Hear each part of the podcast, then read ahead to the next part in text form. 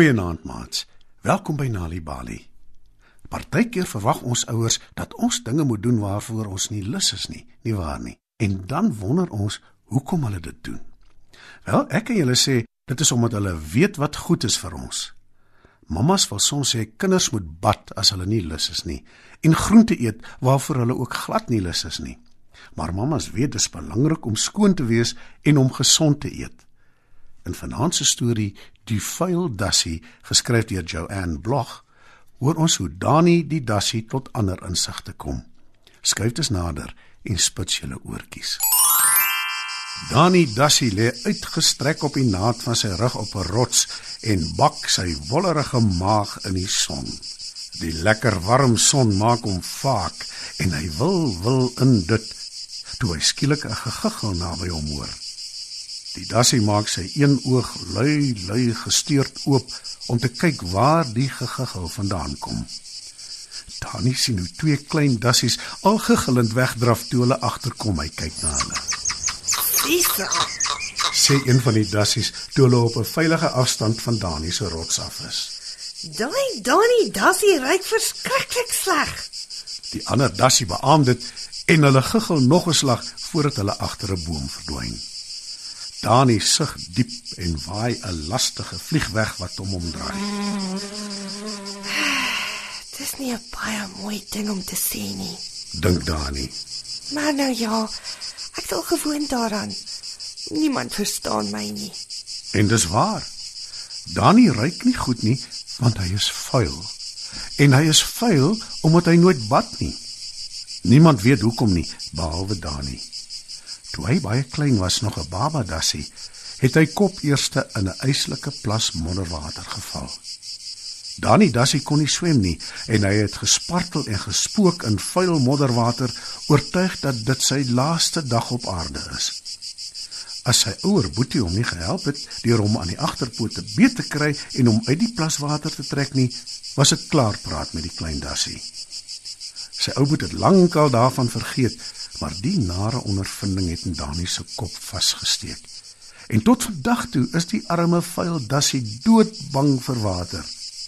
Wanneer die ander dassies elke oggend na die mooi helder poel daar naby gaan om te bad, sluip Dani dassie in die bosse in en kruip weg. Soos wat die dae verbygaan en al langer en langer word, word die weer ook al warmer en warmer. Dit is die middel van 'n baie droë, warm somer met absoluut geen reën nie. Dani word al vuiler en vuiler. Sy pels is gekoek en taai. Die vliee drom om hom saam en volg hom waarheen hy ook al gaan. Een oggend, nadat die dassie gemeenskap besluit het hulle kan nie meer die vuil dassie se reuk verduur nie, stuur hulle 'n afgevaardigde om met hom daaroor te praat. Hy staan 'n hele end van die dassie af en druk sy neus toe, want die reuk maak hom skoon duiselig. Dani sien dit en dit maak soos gewoonlik seer, maar hy gee voor dat hy dit nie agterkom nie. Daardie is dit. Ek is jammer, sê die afgevaardigde. Uh, soos jy seker agtergekom het, is dit 'n baie droë somerseisoen. Daar is baie vliee. En vliee hou van enige iets of iemand wat uh, wat vuil is om dit nou prot uit te stel wat stink. En daardie, ek is jammer om dit vir jou te sê, maar jy stink. Wat beteken die vliee kan jou nie uitlos nie. En ongelukkig is dit besig om ons ander dassies ook te beïnvloed. Die vliee, jou vliee, gaan ons nog almal siek maak. En dit kan ons ongelukkig nie toelaat nie. Wat dit beteken daardie dat jy ons dassie gemeenskap moet verlaat en ergens anders vir jou sal moet bly plek soek. Dis al genade. Arme Dani. Wat kan hy doen? Hy moet maar gaan.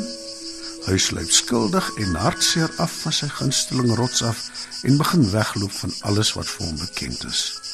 Hy loop en hy loop. Die vel son brand hoog in die wolklose blou lug. Dani se pote voel naderhand soos lood en hulle pyn iets ysliks. Uiteindelik kan hy nie een tree verder loop nie. Ek het skade weer nodig. sê Dani en hy kyk hoopvol om hom rond. Maar daar is nie veel bome in die omgewing waarin hy hom bevind nie. Hy tuur en hy tuur in die verte. Ver voor hom sien hy 'n een eensame doringboom. Dis klein en lyk maar oes, maar dis beter as niks nie, besluit Dani. Hy strompel na die boom toe en gaan lê moeg in die skrapskade weer van die boom. Baie ure gaan verby. Dani slaap vas omdat hy so moeg is. Hy kom dus nie agter dat onweerswolke besig is om op te steek nie. Hy sien ook nie dat die son nou heeltemal verdwyn het agter die wolke nie. Die lug is donker en onheilspellend, maar steeds slaap die dassie. En toe skielik begin dit reën.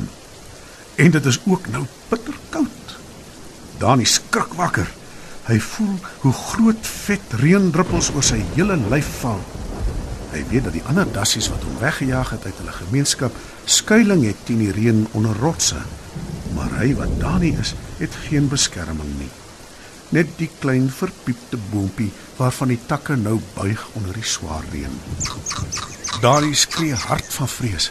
Hy rol sy lyf op in 'n bondel, knyp sy oë styf toe en roep benoud, Help!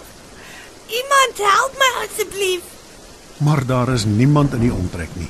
Selfs die vliee wat hom gevolg het, het intussen verdwyn. En toe skielik gebeur daar die vreemdste ding. Dani besef dat die koue, nat reën wat op sy hele lyf val, goed voel en hy geniet dit. Dani is nie meer bang nie. Dani Dassie maak sy oë versigtig oop en kyk verwonderd om hom rond. Die reën is mooi. Nee, dis pragtig Roep die Dassie uitgelate. en dit laat alles vars ruik. Toe staan Dani op van waar hy in 'n bondel gelê het. Hy maak sy bek waawyd oop en hy drink die reendruppels soos wat dit daarin val. Die reën is nie net pragtig nie, dit smaak nog heerlik ook. Sê hy verwonderd. Vir die eerste keer in 'n baie lang ruk is Dani Dassie gelukkig. Hy stamp sy pote op die grond en begin ronddans. Dani dans en hy dans en toe hy weer sien, is hy terug by sy blyplek saam met die ander dassies. Hy sing uit volle bors. Dit reën, dit reën, dit reën. Ek is lief vir die wonderlike reën. Dit het intussen donker geword en omdat al die ander dassies wegkruip vir die reën, sien hulle nie dat Dani terug is nie. Hulle hoor hom ook nie sing nie, want dit reën te hard. Dani is nou skoon uitgeput. Hy gaan lê onder 'n bos en raak aan die slaap, gelukkig en tevrede. Die volgende oggend, toe Dani wakker word, reën dit nie meer nie. Hy kyk rond en staar in verbasing. Alles is helder en vars en pragtig skoon gewas. En soos wat die son styg in die lug, verskyn daar skielik 'n hele lap veelkleurige blommetjies op die grond, asof van nêrens af nie, Sjoe, sê Dani. Hy kan sy oë nie glo nie. En toe verskyn die ander dassies. Hulle is op pad na die waterpoel toe. En soos wat hulle na Dani toe aangeloop kom, kyk hulle verbaas na hom. Hulle herken hom skaars. Dani Dassie is mooi skoon en sy pels blink in die vroeë son. Maar behalwe dit, ruik hy heerlik vars. Dani, wat het gebeur? Vra een van die dassies. Reën, reën, wonderlike reën. Ek is lief vir die reën. Die ander dassies begin opgewonde saam met hom sing en binnekort dans die hele klomp van hulle uitgelate rond.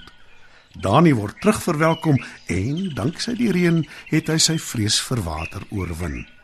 En van toe af is hy wat Dani is, die heel skoonste en mees welriekende dassie in die hele omgewing. Wanneer kinders tuis stories hoor, help dit hulle om beter leerders te word op skool. Vir meer stories om vir kinders voor te lees of vir stories wat kinders self kan lees, besoek ons by www.nalibali.mobi. Daar is heelwat stories in verskeie tale absoluut gratis beskikbaar.